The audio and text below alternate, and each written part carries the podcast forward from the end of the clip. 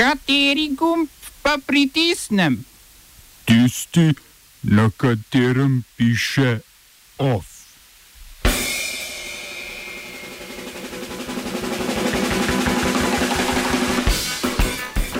Sprejetje novega zakona proti tujemu političnemu vplivu v Tajvanu.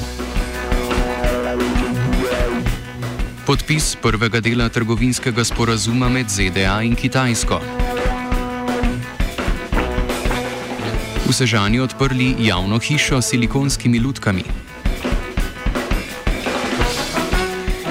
Naznanili prejemnike preširnovih nagrad.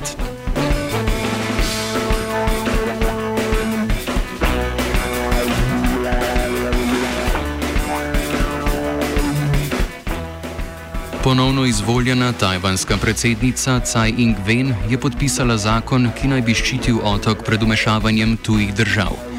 Po novem bodo dejanja, za katerimi stojijo tuje sile, pri čemer odkrito ciljajo na vplive iz celinske Kitajske, kot so umešavanje v volitve ali politične donacije, kazniva. Novi zakon pa za takšna dejanja predvideva do pet let zaporne kazni ali denarno kazen v višini do 300 tisoč evrov. Kritiki zakonu očitajo, da pojem tuje vmešavanje ni dovolj jasno definiran in je lahko uporabljen proti vsem političnim nasprotnikom. Zakon je bil sprejet po hitrem postopku, saj je šel mimo javne debate ali obravnave na odborih. Ingvein je zakon podpisala le nekaj dni po prepričljivi zmagi na predsedniških volitvah, na katerih je premagala tekmeca, ki je zagovarjal tesnejše odnose s Pekingom.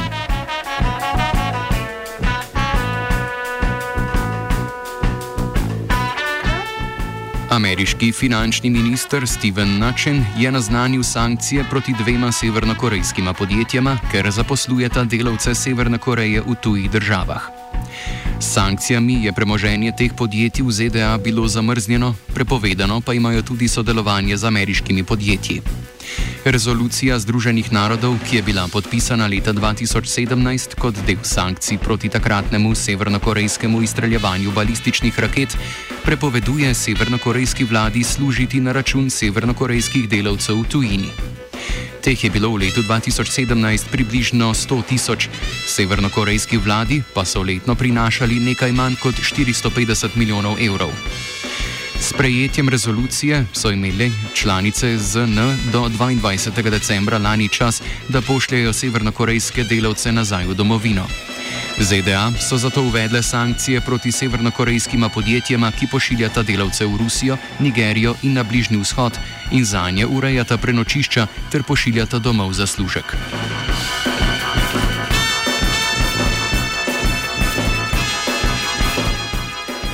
Donald Trump, predsednik ZDA in podpredsednik kitajske vlade Liu He, bosta danes v Washingtonu podpisala prvi del trgovinskega sporazuma, ki naj bi prinesel vsaj začasno premirje v trgovinski vojni med državama. Dogovor predvideva znižanje obojestranskih carin na produkte, Kitajska pa bi povečala nakupe ameriških kmetijskih in industrijskih izdelkov ter energije.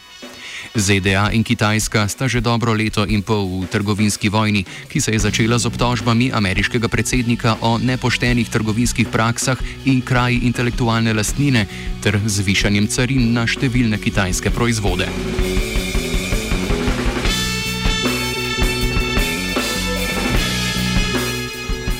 V Gvatemali je Alejandro Gimatej zaprisegel kot novi predsednik republike. Nasledil je Jimmyja Moralesa, ki se je tekom mandata ukvarjal predvsem s številnimi koruptivnimi obtožbami, v skladu s tamkajšnjo ustavo pa ni mogel kandidirati za ponovno izvolitev. Novi predsednik, bivši direktor gvatemalskih zaporov, nasprotuje istospolnim porokam in splavu, osrednja točka njegove politične kampanje pa je ostro kaznovanje kriminalnih dejanj ter ponovna uvedba smrtne kazni. Poleg tega namerava Džimatej v sodelovanju z ameriškimi oblastmi povečati nadzor na državnih mejah in s tem omejiti število migrantov na poti v ZDA. Donald Trump je namreč zagrozil, da bo državi uvedel carine v primeru, da ta ne bo sodelovala pri zmanjševanju toka migracij.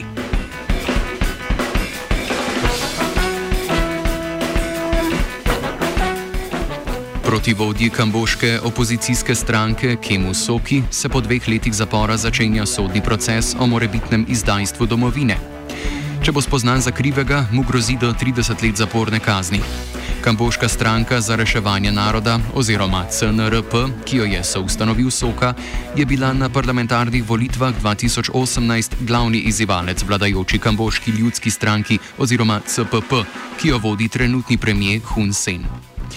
Kamboške oblasti so pred volitvami Soka aretirale, v skladu z odločitvijo ustavnega sodišča pa je bila razpuščena njegova stranka in vodilnim 118 članom stranke prepovedano politično udejstvovanje. Tako je stranka CPP zasedla vsa poslanska mesta na volitvah leta 2018. Oba, če, bom odgovoril na angliški. Uh, uh, Slovenija will try to help. uh, We can Slovenija will and we will do our utmost to say that the situation is, our problem ourselves. and uh, We will make further steps as soon as the conditions are bomo vlado Marjana Cererja Mira- Marjana Cererja Šarca podprli. very, very serious. we know how and we will. Eritrejska skupnost Slovenije je pripravila protest in tiskovno konferenco. Prosilci za azil iz Eritreje so namreč med prazniki prejeli negativne odločbe Ministrstva za notranje zadeve o prošnjah za azil. Slovenija je tako postala edina država v Evropski uniji, ki Eritrejo smatra za varno državo, kljub temu, da gre za diktaturo, v kateri velja obvezno služenje vojaškega roka od 17. do 70. leta. Ministrstvo je svojo odločitev utemeljilo, rekoč da, citiramo, o Eritreji vemo zelo malo, da je dosmrtno vojaško služenje le način zmanjševanja brezposelnosti, ter da vrnjene prebežnike sicer čakajo izvensodne obravnave, ampak se lahko izognejo dolgoletnemu zaporu ali smrti, če se spokorijo. Na novinarski konferenci govori prosilec za azil iz Eritreje. prvih pet negativnih odlič, odlično, odličev, v katerih je zapisano, da je Eritreja varna država. Kot kaže se je Slovenija odločila, da bo prva država v EU, ki bo sledila takšni bizarni logiki.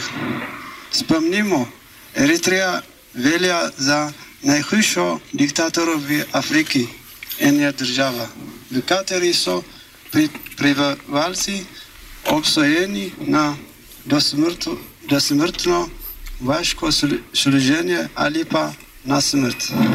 Zato so Eritrejci tista skupina, ki je v celini celotni EU z največjo gotovostjo dobivala mednarod- mednarodno začisto. Odločbe ne upoštevanje re- relevantni- relevantnih poročil preste- prestejnih organizacij, pač pa se sključujejo na eno samo poročilo. Kot razlog zavrtni, zavrtniti prošenje za azil je v teh odlič, odličnih varih navadno, da bi prosili lahko za azil zaprosili v Sudanu, ki pa ni varna država.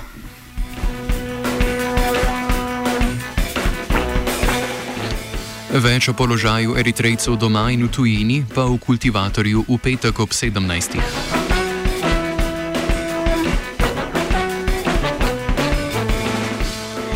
V Sežani odpirajo bordel s silikonskimi prostitutkami. Primorski podjetnici Sandra Negro in Valentina Markežič vidita v lutkah priložnost za pošten in etičen bordel, saj ni nobenih dilem o trgovanju z belim blagom, prisilnem delu ali nevarnostih prenosa bolezni. Lokacija javne hiše z imenom Dollhouse bo zaupana le strankam, ki jim lastnici obljubljata diskretnost. Javna hiša bo odprta ob sobotah. Lastnici bosta oddajali dve dekleti, kmalo pa se jima bo pridružil tudi fant. Lutki sta narejeni iz TPE silikona in imata temperaturo človeškega telesa. Stranka bo za pol ure z lutko morala odšteti 60 evrov in zaradi higijenskih razlogov obvezno uporabiti kondom. Poleg družbe s silikonskimi lutkami bodo stranke lahko v sobi gledale televizijo, na voljo pa jim bodo tudi spolne igračke in tuš.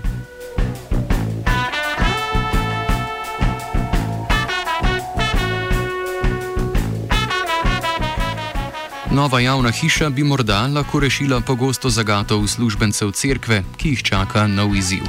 Civilna inicijativa za zaščito žrtev spolnih zlorab v cerkvi na slovenskem je na tiskovni konferenci zahtevala odstop načkofa Stanislava Zoreta, čež da ta ni storil dovolj za zaščito žrtev spolnih zlorab. Prav tako pozivajo slovensko škofovsko konferenco, da, citiramo, zaradi nesposobnosti in nedelovnosti razreši ekspertno skupino za reševanje spolnih zlorab. Konec citata in da po zgledu praks v tujini ustanovi neodvisno komisijo, ki bo sposobna učinkovitega in doslednega razreševanja problematike spolnih zlorab.